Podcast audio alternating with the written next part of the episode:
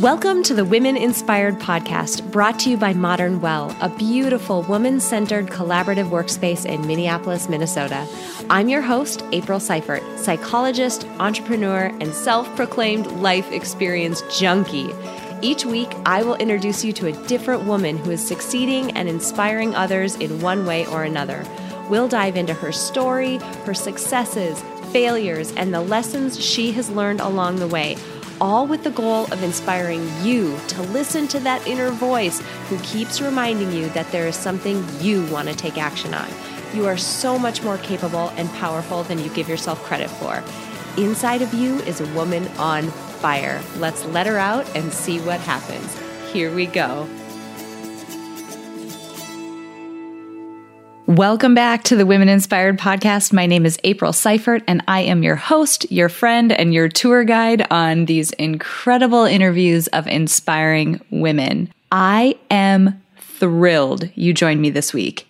It's a huge week. Like, it's a massive week. I cannot overstate it. This week, I get to share with you an interview that I recently conducted with a woman who I have admired for an extremely long time. She was actually, you'll hear me describe this to her, she was actually on the list of people that I would die to interview. Like at the beginning of the podcast, I made this list of people who I would just die to interview, but I never thought I would get to talk to.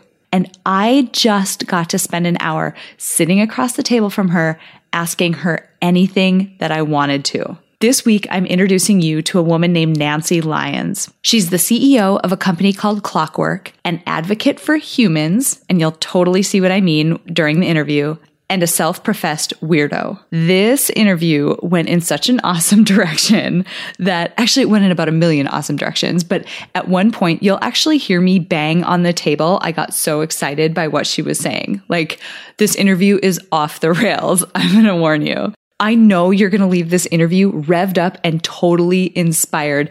It's impossible not to. So I am thrilled to introduce you all to the amazing Nancy Lyons. Hey, everybody, welcome back to the Women Inspired podcast. And today is one of the coolest days in Women Inspired podcast history because when I began the podcast, I started making lists of women that I thought I would contact. You know, I was nervous about whether I would be able to get guests and who I would talk to. And so I made all these lists of women. And one of them was a list of women that I knew I could reach out to, that I talked to fairly regularly, that I knew I could get on the show.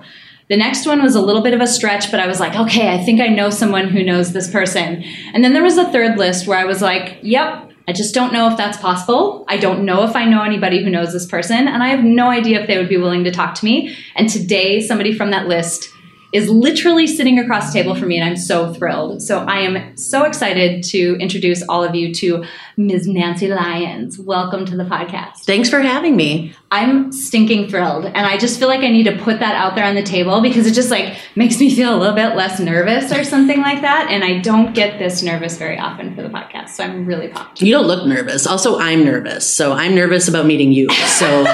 We're in this together. Awesome. We're going to make it through this, I swear. Um, the way that I love to start these episodes is to help everybody just get to know each other a little bit. So, give us a rundown of your background and help us get to know you up until this point. Sure. Well, I've been working in digital and software development for about 25 years. And so I'm like a grandmother in the digital age. It's kind of funny. Um, but when I was in school, I was a theater major and I actually thought that I would be a comedian, which has served me really well. I always say that the best thing I ever did for myself was study acting in school because in business, you have to be able to get up in front of people, you have to be able to read an audience, you have to be able to pivot on a dime.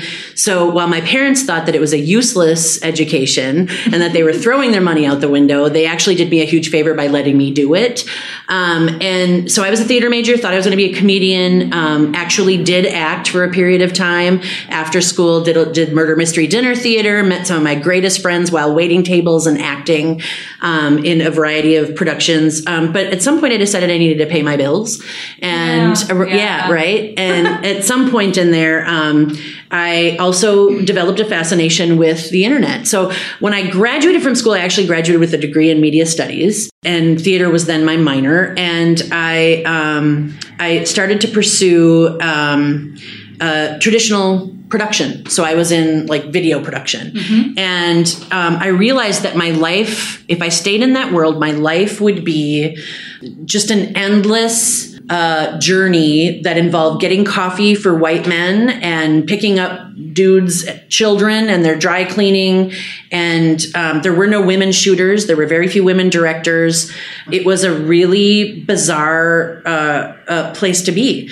And I, I, I saw myself as having more to offer. And at, around this time, this was in the early 90s, the internet was bubbling up as a conversation point, and it, it intrigued me. I didn't, I didn't have a computer until I was in, you know, the end of college, and I wasn't somebody who was, you know, particularly technically capable or interested. But that conversation started to be compelling to me. So I remember going with um, my mother. It was like Christmas time, and and um, and I was a poor, you know, recent college grad, and my mother bought me a computer, and that was my Christmas present. And I, I always tell her, you know, that that career path was sort of sparked by that moment. Um, and I taught myself how to code. So I, I learned to hand code HTML, and I got a book, and I tried to learn Perl and I'm a horrible programmer, but um, but what it gave me was a theoretical understanding of how that all worked and Yes. how it was coming together. And honestly, now I still have great value for people who are self-taught. Who now there are college programs for these things. There's certifications. There's postgraduate opportunities. When I was in college, you know, computer science was um, you know it happened on giant mainframes, and you know the small computers were um, you know the personal IBM computers were these monochromatic green screens, and you were still you know um, uh, it, it just wasn't personal. Yeah. it felt you know really sort of uh, manufactured, if Yeah. you will. And when the personal computer really happened and became mainstream, is when personal computing felt like something I could get my arms around. And so I started to experiment with it. And I realized that that was what I wanted to do. So I uh, was working for a communications firm. I started to uh, explore the world of the internet. I met my business partners. Um, they had worked for Prince and they started a bulletin board service for Prince. So I don't know if you knew that. And Like for Prince. yeah, so that was so that we're going to deviate if I tell you the story, but I'm happy to tell you. Holy So uh, my business partners, Mike and Chuck, worked for Paisley Park. Mike is a music producer, a sound engineer, a composer, a musician. He got his degree from the Berklee School of Music. Chuck is a brilliant designer and was a, a, a creative director at Paisley, and both of them worked with Prince. Like they were, and so after his passing, both of them appeared on panels and documentaries and all sorts of stuff because they had personal relationships with Prince. Wow. So they had um, the start of my career actually happened because I met them, but they started the internet thing. So they were exploring the world of interactive on behalf of Prince. And Chuck has these great stories about how he remembers bringing in a desktop computer, a tower computer into Paisley Park, plugging it into the wall and showing Prince how the internet worked. And he said you could see the little wheels turning in his head because suddenly Prince was like, wait, you mean I could talk to my fans? Like directly, Oh like I could have direct really, and then and then eventually he started to recognize that he could probably distribute his music himself. Yeah. So my business partner Chuck is directly responsible for some of the pushback that Prince created for his record label um, when he realized that actually direct access to his um, fans, his audience, gave him more creative freedom. That's amazing. Isn't it crazy? So they started developing um, a, a community, an online community for Prince fans. And Prince got a little confused about what they were doing. He ultimately asked them to leave. They took their, they unplugged that modem from the wall. They took it to Mike's basement. They plugged it back in and they started a bulletin board service called Bitstream Underground.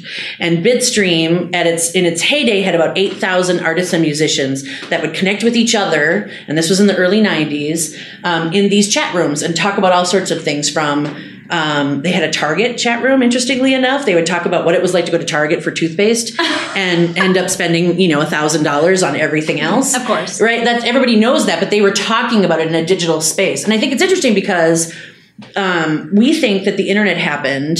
10 years ago when some guy invented the Facebook. Right. But the reality is people have been connecting and exchanging ideas and information and creating community and making friends and other connections online for 25, 30 years and longer than that even when you're super hardcore. So I think um, what they did was create community. And a lot of those people are still friends. I joined that BBS. A lot of those people are still friends on Facebook. A lot of those people are still friends in real life. And, um, and when I decided that I wanted to pursue a career in technology, I reached out to them. I reached out to a few others and they did not respond to me. I didn't know them. I sent them my resume and cover letter, and they were like total Gen X. They were what you would imagine long hair, flannel, early 90s, right? Yeah. You know, Gen X, like weirdo, creative types. Yeah.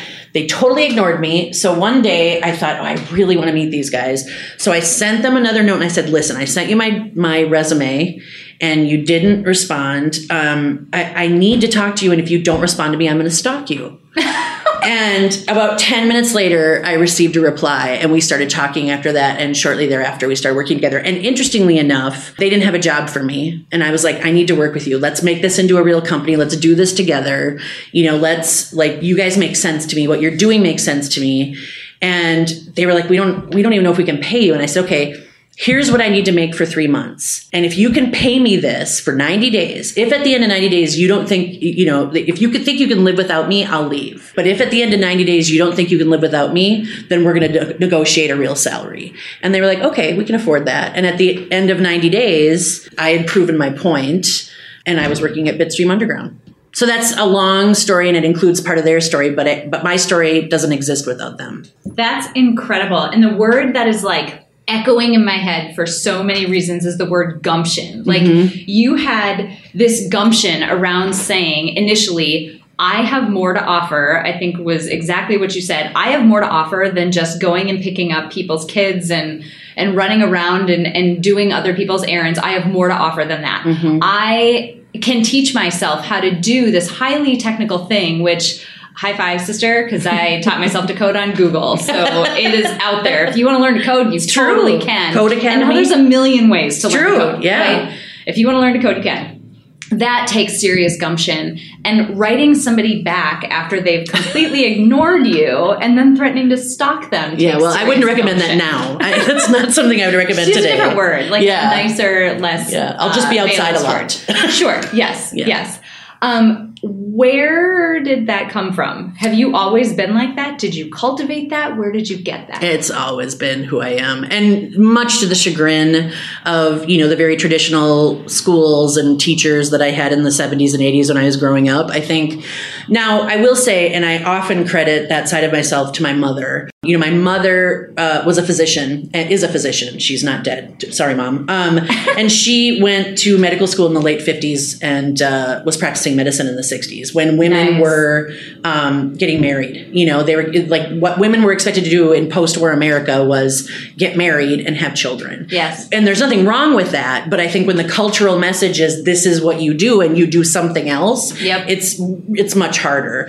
And I think um, so. I grew up with a woman who was a professional and who grew up in a family of people that didn't go to college. She was the first person to go to go to college. She was 13 years younger than her her next youngest sibling. And there were eight kids in the family. She went to college. She went to medical school. She practiced medicine on a Navajo Indian reservation. She opened her own practice. She was a medical director. She was just driven. And and my mother was a feminist, and we had really um, candid conversations about what it was like to be a woman in the world, especially a world that was largely dominated by a men and male conversation. Yeah. And um, I think my mom was a model for me in a lot of ways. And I also think she didn't treat me like a child. She treated me like a person, a person of worth. And we also weren't a family where there were two girls in my family. And there wasn't a lot of conversation about what we looked like. I mean, my mom wanted us healthy, but you know, we were all big women. There- you know, Our women, the women in my family are big stock, right? They're big girls, and that wasn't less than. And what was important to her was get your education, you know, um, because nobody can ever take that away from you. And it wasn't about being beautiful or being presentable, or I mean, it was always about being appropriate, but it wasn't about being pretty or being acceptable to men, or or you know, my mom used to say to me all the time, "You can get married on any free weekend. Like your whole life isn't about planning a wedding because my friends I remember would talk about planning weddings in high school. It's crazy. And it happens it, in just a few hours, and then it, when you wait, what I like to tell people is you wake up the next day and you're just somebody's wife, right? And like that should be exciting. Yeah, that should be more exciting than the day because like that's gonna you know be a long time right. that you're just gonna be somebody's wife, and right. that should be pretty cool. Well, and I do think like you know we live in a culture that's still. I mean, when my mom was talking to me about this stuff, I was a little kid. It was 40 years ago, right? Yeah, like, that's huge. And and I think we're still having some of the same conversations, Hugely. same struggles, yes. right? Yes. And I think we still tell little girls you are half of something until you're married and then you're whole. Uh. And we ah. say it implicitly, right? But we say it. And I think I think the the modeling that I got from my mother is the thing that set me up for success because I didn't believe I had to go out and get married. You know, I didn't believe I had to be a girl in the traditional sense. And I don't want to make that sound like a bad thing, but it wasn't about uh, the sort of stereotypical gender expectations. It, it was a about, requirement or it wasn't a requirement or a rule. Exactly. Yeah. Exactly. And it was interesting because I, you know, I, I have so many friends that were so gifted dear, dear friends and smart, smart women that I went to like high school with who had dreams and we would talk about our dreams. And then they got married and they had kids and their dreams were over. And we still live in a culture that it sort of suggests that, well, if anybody has to compromise, it's you. You know, I mean, you just got done saying, you know, you're, you're, you got a baby at home and another baby on the way. Yep. And I always say in all the talks that I do that the, that it's always the women, like men can be and I just got done telling you my business partners are men. They're some of my best friends. I have no issue with men, but I yeah. do think we live in a culture where we aren't loud enough in talking about the fact that women get to have a career, they get to pursue excellence, and at the same time they're still struggling with bearing the the most burden around what happens at home. You know they're the ones juggling. Who cares for the it doesn't matter how engaged or amazing your husband is yeah. you're doing that work. And he can be a prince among men but your children are going to grab onto you in a different way than they grab onto their fathers. Yeah. and we live in a culture that recognizes that and takes advantage of it. Totally. And so there's not a lot of support for women in that space. And these are conversations that I was having with my mom 30 and 40 years ago. Wow. You know, as a little kid at the kitchen table, because not only was it her life, but it was the life that she, the lives that she witnessed it, witnessed, witnessed in her practice. Yeah. You know, so the women that came to her struggling, trying to figure out, their lives and trying to figure out things like childcare and you know balancing their budget and figuring out how to send their kids to college and figuring out how to feel value in their home construct and all of those things. That was stuff my mom would bring home and that is what we were talking about. So the gumption is something i was raised with. Ugh, i love it. Oh my god. I wish you all were in the room with us and you could just like feel the energy coming off of this. I'm like gonna have a really hard time coming down from my day and Ooh. being home in the evening. It's awesome today i when i creep on you on the internet mm-hmm. when i mm-hmm. stalk you um, i see two sides to you i see you as nancy lyons crazy amazing ceo of a company called clockwork mm-hmm. i also see nancy lyons as champion for human beings in the workforce mm-hmm. and how we show up as people how we work you know within our lifestyle. I mean there you i think there's a notion on your website around work life balance and how that's kind of a crazy thing because they're so integrated these days. How did you find yourself wearing these hats? How did you get to the point where you're now leading this amazing company mm-hmm. and you're also the person that everyone goes to in this market and others to talk about some of these important issues that companies need to hear. Hmm. You're very kind. I, I, wish everyone would come to me and then we wouldn't have half the problems we have. Um, I think that, uh, well, first of all, I'm a weirdo. And I say that with a great amount of pride. Like, I'm a weirdo. I'm somebody who, you know, I, even as I talk about the gumption that my mother bestowed upon me or encouraged in me, I always knew that I was not like other women you know, I never dress like them. I don't wear makeup. I wore makeup, you know, when I was younger. I like to tell this story about how a drag queen once said to me, "Girl, are you wearing eyeliner or mascara?" And I said, "Yes." I was like 20. And and the drag queen said, "Don't ever do that again." and I was like, "Okay." And that's when you stop. Like you just don't wear makeup anymore because clearly you look like a clown. But I I've always been a bit of a tomboy. I I I don't fit in. I don't I, you know, I, I I've never really fit in. And I think we made work a lot about fitting in. Like work mirrors what we know of, you know, work actually mirrors how we educate our children, right? It's very similar. It's like you you shut up, you sit down, you fall in line, you pay attention, you listen, you do what you're told. Like that's what we've made work into. And yeah. you you know, there's a dress code. It may not be published, but you know what it is, right? There's what's acceptable at work. And then there's this idea and I was just at an event last week where um, I had given the people that I was talking to a homework assignment, and they, I asked them to come up with value statements, and then to talk about how those values show up in their leadership every day, and when and then to talk amongst themselves about what they discovered in that discussion. And what I heard them say was, "Wow, this was really hard. It was hard for us to talk about our values because it's so personal." Mm. And later, when I got up, I said, "It's interesting to me that you feel like your values are personal, and that." we continue to sort of hold this uh, this ideal up that suggests there's a difference between what I do personally and what I do at work because I don't think that's how we actually live. How we live, you know, suggests otherwise. My identity is what I do. I'm Nancy Lyons, CEO of Clockwork, entrepreneur, speaker, you know, activist. That's who that's my identity. Do I have a son? Yes, I do. And am I proud of him? Yes, but my identity isn't wrapped up in him. He gets his own. He's a whole other person. exactly. He's a whole other person. So I often tell people, like, when you go to a party, do you say, hello, my name is Nancy and I'm a mom and a spouse? You don't. You tell them what you do because that's where you find your own worth. And yet when we talk about what we do, we have this really archaic idea that it should be separate from who we are. And I and because I'm a weirdo, I'm I've never been able to keep it separate.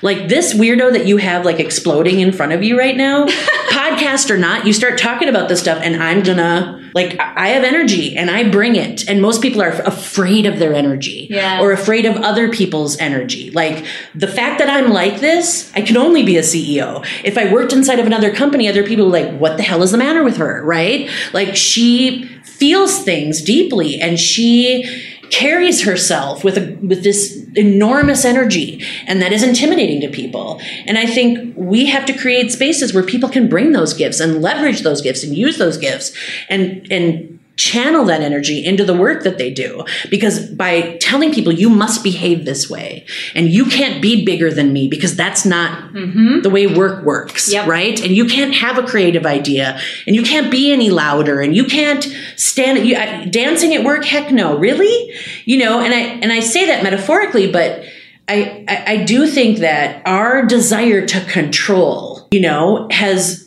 created workplaces that are stagnant. Yeah. And our does and and and then you layer in our our need to judge. So not only do you want to control, but if you don't behave the way you're supposed to, I'm going to judge you. Yeah. And you're going to feel that. And financially, that, oh, socially, yes. oh, all yes. of it at work. Absolutely. Yes. And and that judgment will keep you down. It'll we will you will behave. And I think behaving is what's gotten us to this place where we are struggling to figure out how to innovate. We're struggling with change in the workplace. We're struggling to keep ahead globally. I mean, every but only 81% of people in this country say they are not engaged at work. If you if you look at the Pew research that has been published a billion times, 19% of the population that actual that works, that goes to work every day in some way shape or form says they like their job. That means that 81% of people hate their work or don't care, simply do not, are ambivalent. That includes surgeons and dentists. Yep. Which means the people that dig around in your body aren't engaged, which is a terrifying thought. And so for me, I think, well, work is fundamentally broken. And why? And when we talk about fixing work, what do we do? We put things like surveys in place. And we're like, I'll survey the entire workforce and make sure they're fine. And we, we think technology is going to fix it, you know, collaborative tools, that'll fix it. But nobody's talking about us. Yeah. And what we need, you know, and I always say a lot of what's broken was established 175 years ago when we were industrialized. Like we look a lot like they started you know, 175 years ago. We're all working, you know, in these spaces. And even if they say, well, there's flexible working or there's remote working, somebody at work is judging that and stigmatizing you for taking Yeah, advantage are. of that, Yes, right? they are. So, and if you're stigmatized for taking advantage of the policies that HR puts in place, then those policies aren't true. If you don't feel like you could actually work from home and nobody's wondering what the hell is she doing, if then it's not true. Yeah. You know, and that's and then people start coming back to work because they feel like they have to, and then they hate it because that's not where they do their best work. If you talk to anybody who spends any time working at home, they'll tell you, "I get so much done at home." So much. so much, right? And yet there are still people who are like, well, if your butt's not in the seat, you're not actually working. So there's there's a zillion reasons, but I think part of it is I'm a loudmouth. Um, part of it is the internet ushered in a new way of thinking, and somebody had to be louder about it.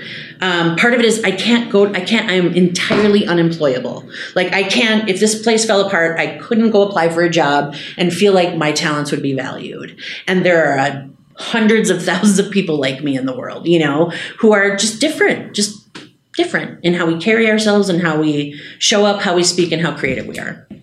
So that 81%, percent Mm-hmm. I have them listening right now. Oh. I have some of those 81%. percent Mm-hmm. Someone's driving to their job that they hate right now. Somebody is at the job that they hate right now, Mm-hmm. sitting with your voice in their ear in earbuds. Mm-hmm. What's your advice for them? How do they manage that? Because I mean, it's it's one thing to be the CEO of a company where you literally can say, "You want to work from home? I don't care. You want to come in in torn up jeans? I don't care. Like come in, bring your talents, bring yourself, bring your values, do your thing at my job or at mm-hmm. my company, but, you know, perform and and mm-hmm. do your great work." Mm-hmm. It's hard for some people in their minds to be that person who's sitting in that cubicle day after day feeling like they have no control.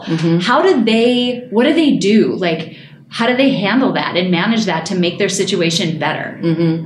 I think um, I think it's really interesting because we look to organizations to do that for us. Yes. we want the organizations to save us. They should change. Like it should happen top down, right? And what you don't realize is that the CEO and the and the leadership team inside of any organization of whatever size, they're living a culture that you aren't, right? Like they're doing a thing.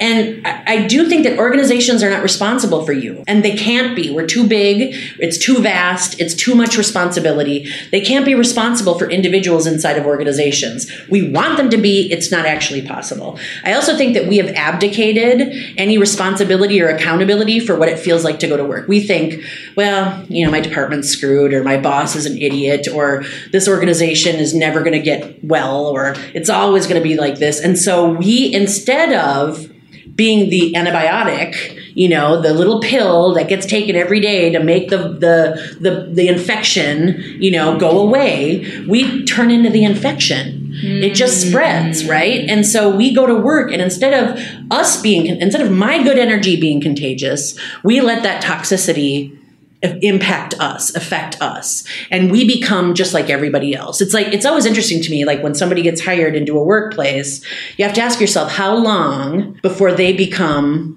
Ah. what the broken part is, right? Yeah. Like how long before the the organization infects this new enthusiastic, interesting, creative, excited, you know? You get a new job, you're excited, you're scared, you know, it doesn't matter what you're doing. We're all excited and scared when we get a new job. And how long before the organization destroys all of that and makes you one of them, right? Interesting. And so for me, I sort of feel like we have to believe that one human can make change. We have to believe and we have to hold ourselves accountable for it. And we have to hold off the negative energy. And one of the things I tell people is you may not be able to impact an entire organization. You may not be able to change, you know, how it feels to work at I mean, I'm not going to say the name of any large organization because I don't want to impact I don't want to offend anybody, but you know, some big multinational company. You might not be able to change how it feels to work for everyone, but there are microcultures inside of every organization and you can create change there on your project team, in your department, in your division. And I think you push back on that unhealthy energy and you decide, I'm going to work happy. When people ask me how I, are, I am, I'm going to look at them. I'm not going to say I'm busy. I'm going to smile, you know, because a smile is huge, right? Like it, it's not about smiling when you're pretty. It's about smiling when you want to share positive energy. Like the whole world is so busy. The other thing I, I remind people of all the time is we default to the negative. Humans like Oh, to ah, talk about like what's so negative, much. right? Oh my God, I like so so much. So what? What? I'm so happy. Well, when we when you ask somebody how they are, oh my hip hurts, or my husband's a jerk, or my kids are impossible, or I can't get everything done, or I'm so busy. But we never say I'm so great. I'm so great, and and and I'm great. Like I was. I was waiting for my kid this morning at this uh, field trip that I volunteered to chaperone for, and I was probably 15 minutes early. And the teacher said, "Oh, I'm sorry you were waiting." And I said, "Are you kidding me? I've been standing under lilacs for 15 minutes." Like, when do you give yourself permission to stand under lilacs for 15 solid minutes and just breathe?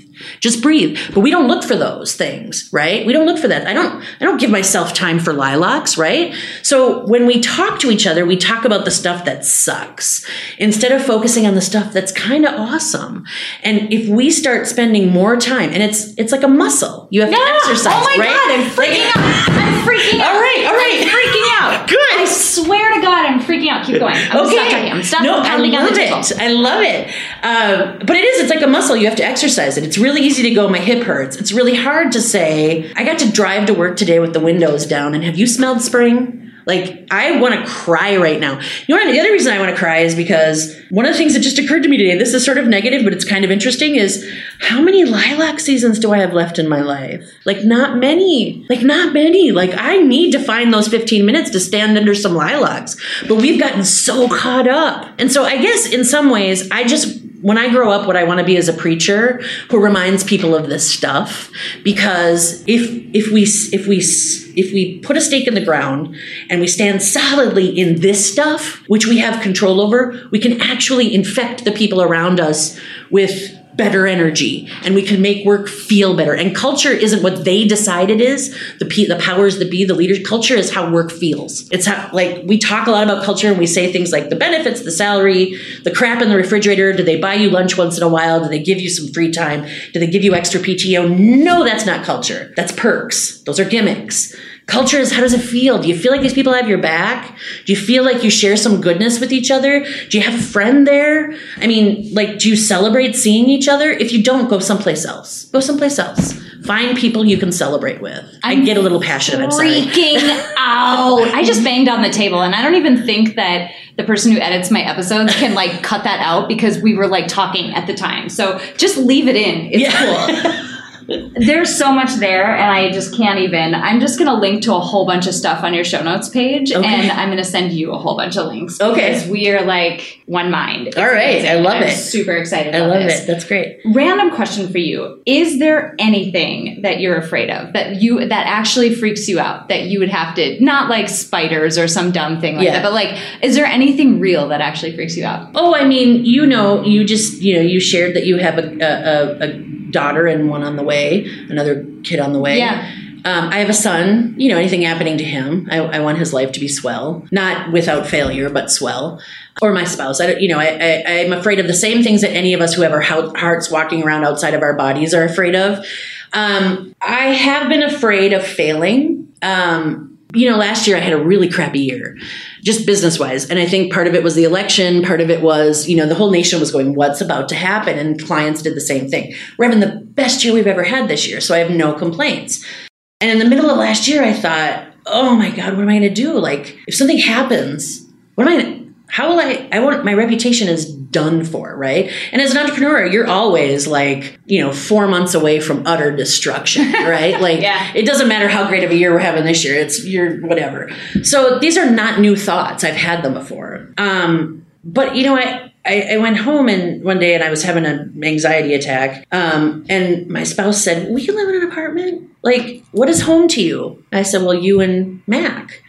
And my spouse was like, well, then we're solid. Like we can live in one room if we have to. And I thought, okay, yeah, what's the worst that can happen? So when I think about it, like the worst that can happen, I can handle. So there's not a lot to be afraid of. You know, it's like if the worst that can happen is I get to have my little family in a little apartment.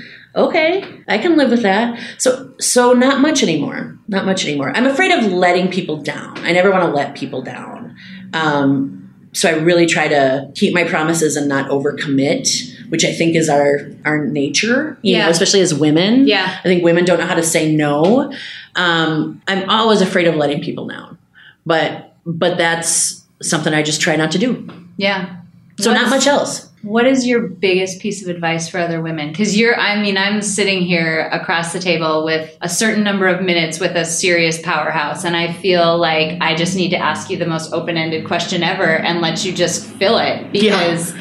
I mean, like, no pressure, but drop some wisdom on us here. I mean, seriously. I mean, you know, listen, women are their own worst enemies. We all have the little demon that sits on all of our shoulders who and I always say to people if you say you don't have that internal voice, that inner voice that tells you how horrible you are, how unworthy you are, you're lying because we all have it. And I think um I think just really working on recognizing how amazing you are, you know, like that inner voice is a liar and I think letting it have any kind of power just means you waste time. And um, and I think, you know, we have to stop valuing ourselves for how big our butts are and stop valuing ourselves for, you know, what what are what we look like and you know, whether or not our shoes are the right shoes or we have to start recognizing we have great big brains and amazing energy and the ability to multitask. And we are awesome at creating community and forging relationships. And we need to do what men do, which is buy and sell from each other, do business with each other, make connections for each other, because that's how men have ruled the world for centuries. And I always say to people when I do a um, when I do a talk, especially with women, I always say to women, you know, oftentimes women will ask me, "How do you have it all?" And I will say, "I don't have it all. I have a wife." Do you know what wives are? They are magical fairies who like live behind the scenes and have made it possible for men to rule the world for centuries. Mm-hmm. And they need to step up and own, and even women with careers are those wives, right? It doesn't it doesn't matter. There is no distinction. Like wives make it possible for the world to work. And I think women have always been doing the work. They've always existed behind the scenes making things possible. And I think it's just a matter of recognizing that and owning it and centering yourself in it. I think we are all powerful, amazing creatures, and there is nothing that isn't normal. You know, like, like whoever you are, whatever you do, whatever you're into, there's a space for it. And sometimes it's just on you to make that space um, and value all of your gifts. You know, I think, um, I think our families of origin have messed us up. I think, you know, like who our parents wanted us to be is like a haunting message that we carry with us into our, you know, middle age and then we start freaking out because we're getting old and we can't we can't fix it, you know. The other thing that I'm realizing as somebody who is absolutely in my middle in the middle part of my life is there is nothing I'm too old for. I can start anything I want. It was awesome to me to read that Julia Child didn't start her real career until she was 50. Yeah. Like, and there's so many of those people. Have you read that list? Like the people that didn't actually start yeah. doing what they were meant to do until they were it's 50. crazy. But how often do we tell ourselves, oh, I'm too old for that? Or I start a job at 30. Well, I guess this is who I am. Mm-hmm. It isn't. You know, it's like this speaking thing. I've just been doing it for the last probably eight years, maybe 10 years. Um, and now I realize, like, I want to do more of this. Like, I want to I, I want to be a speaker. I want to be a preacher. I want to inspire women. And I think they need to see me, my big butt and my, you know, like my, my crazy ways and my weird sense of humor. Like women need to see that we come in all different shapes and sizes. And some of us are total weirdos and some of us are perfect and appropriate and it's all good. It's all great. There's room for all of us. And we need to hold each other up. I have about 700 more questions and and not any more minutes, which is horrible and awesome all at the same time because it's a testament to how much just wisdom and experience and just awesomeness you have to share. Well, you're kind. I honestly can't thank you enough for number one, like checking off one of the major I don't know, things that I wanted to accomplish with this podcast. Like I'm, I'm genuine when I say, oh. like you were on that list of people that I was like, no freaking way. I'm writing her down anyway though, because you never know what happens. Oh, yeah. Um, so, so I'm beyond excited.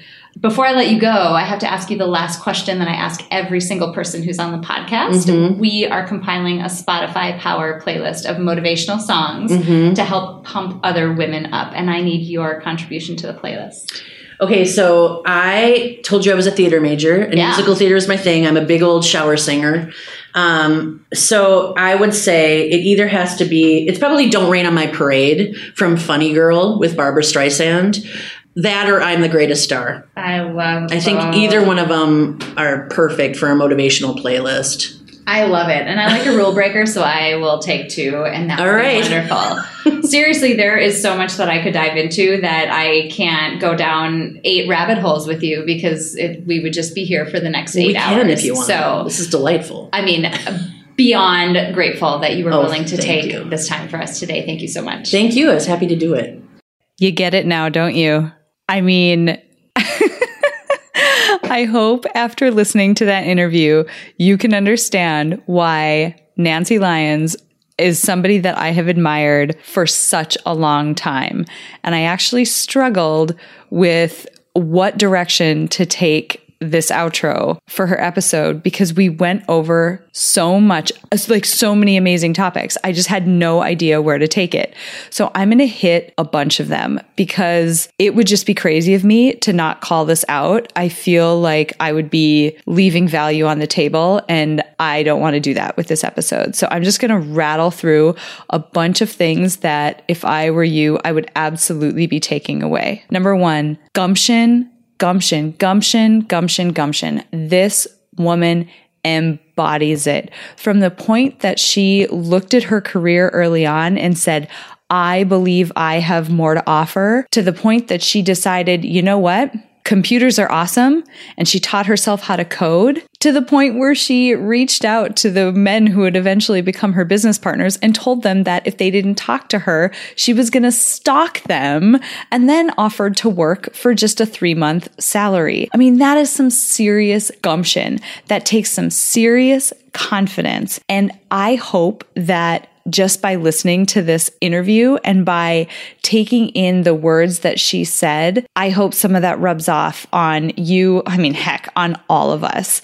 That is incredible. Second, I asked Nancy where that gumption and where that confidence comes from. And she gave an answer that I've actually heard a couple of people give. If you go back in the recent handful of episodes, I started asking people this question because it is so interesting what their answers are.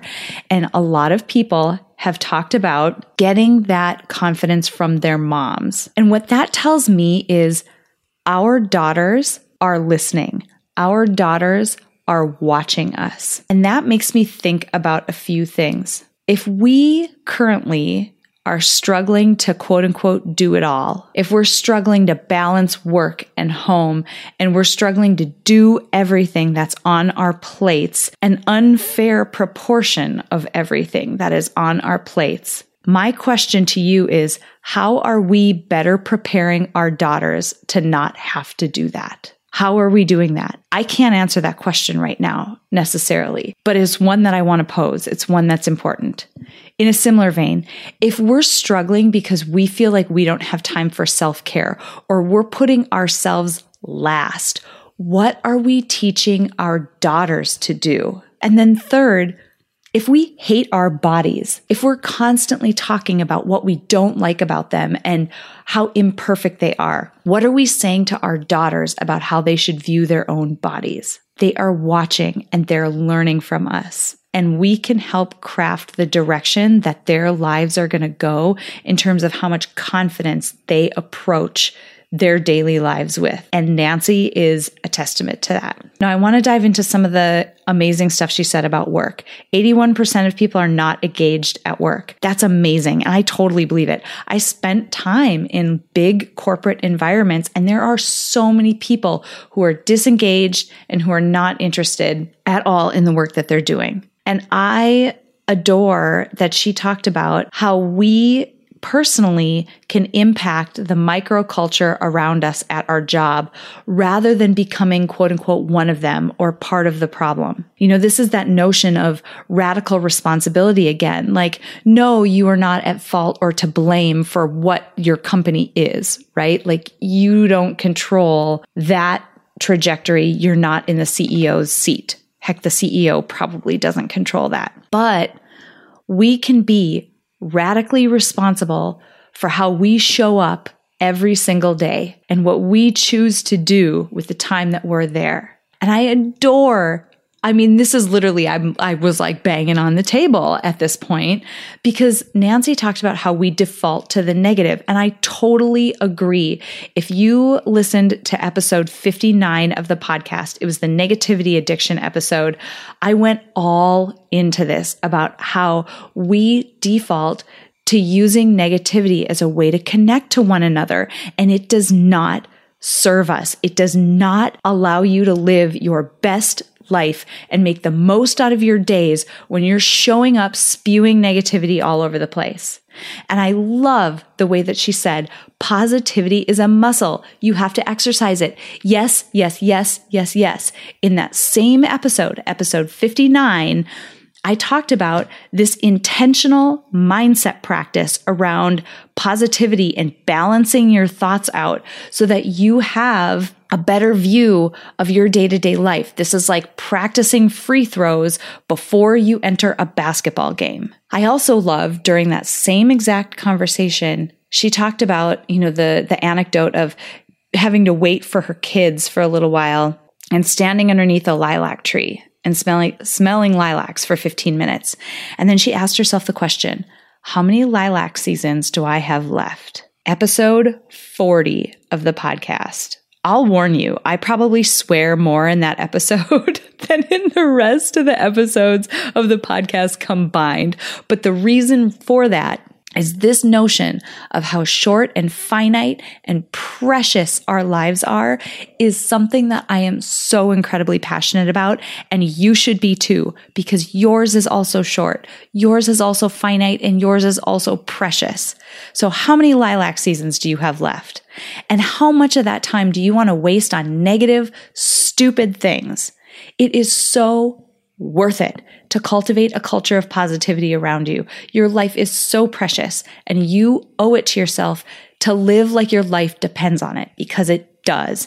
Live your life in the best, most fulfilling way possible. And last, I want to talk about Nancy's comment about how women can be their own worst enemies. Recently, I released an episode, episode 66, where I talked about how to recognize and attempt to silence your inner critic. This is an exercise that was based on a book that I recently read. It was so powerful for me. Please, please, please, if you have that inner critic who is holding you back, who is lying to you about your potential and your power and your ability as the most amazing person that you are, they are lying to you. Please listen to that episode and go through that exercise. It is transformative. I also loved that during, I'm just plugging episodes like crazy. Like I said, this was just an amazing conversation. We were so aligned. It was awesome. I also love that Nancy talked about women needing to support one another. In episode 60, 65, you met Kateri and Angel, who are the co-founders of a company named Maya.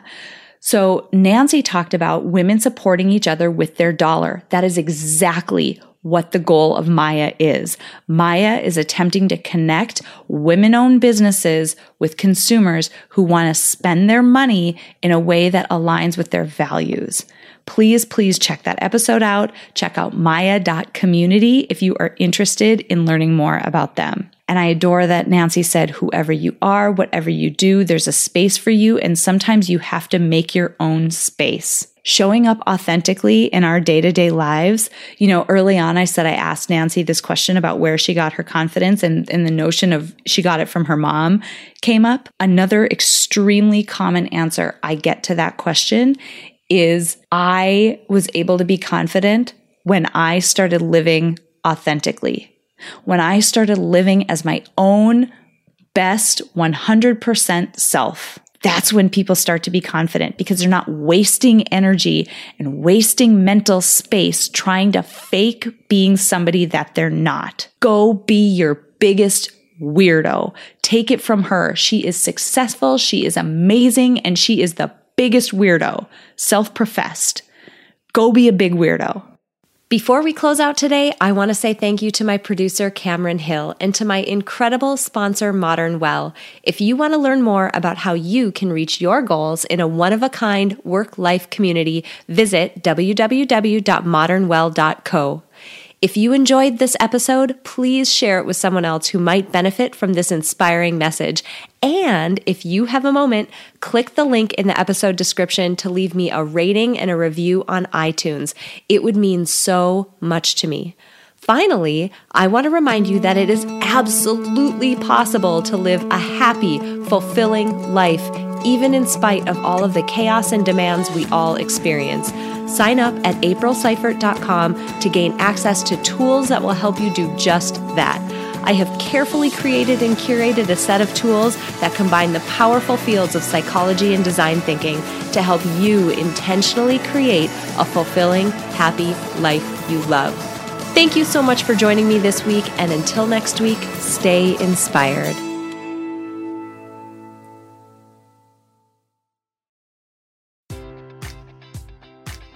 Enjoy all your favorite sports like never before at BetMGM. Sign up using code OLDLINE and receive up to $1,500 back in bonus bets if you don't win your first bet. When you register with BetMGM, you'll get instant access to a variety of parlay selection features, live betting options, and the best daily promotions in the business. And with BetMGM at your fingertips, every play and every game matters more than ever. Remember to use code OLDLINE and receive up to $1,500 back in bonus bets if you don't win your first bet. BetMGM and GameSense remind you to play responsibly. See BetMGM.com for terms. 21 plus only, Maryland only. New customer offer, subject to eligibility requirements. Rewards are non withdrawable bonus bets that expire in seven days. Please play responsibly. For help, visit mdgamblinghelp.org or call 1 800 Gambler in partnership with MGM National Harbor. Promotional offer not available in Washington, D.C. At Parker, our purpose is simple. We want to make the world a better place by working more efficiently, by using more sustainable practices, by developing better technologies. We keep moving forward. With each new idea, innovation, and partnership, we're one step closer to fulfilling our purpose every single day. To find out more, visit parker.com/purpose. Parker, engineering your success.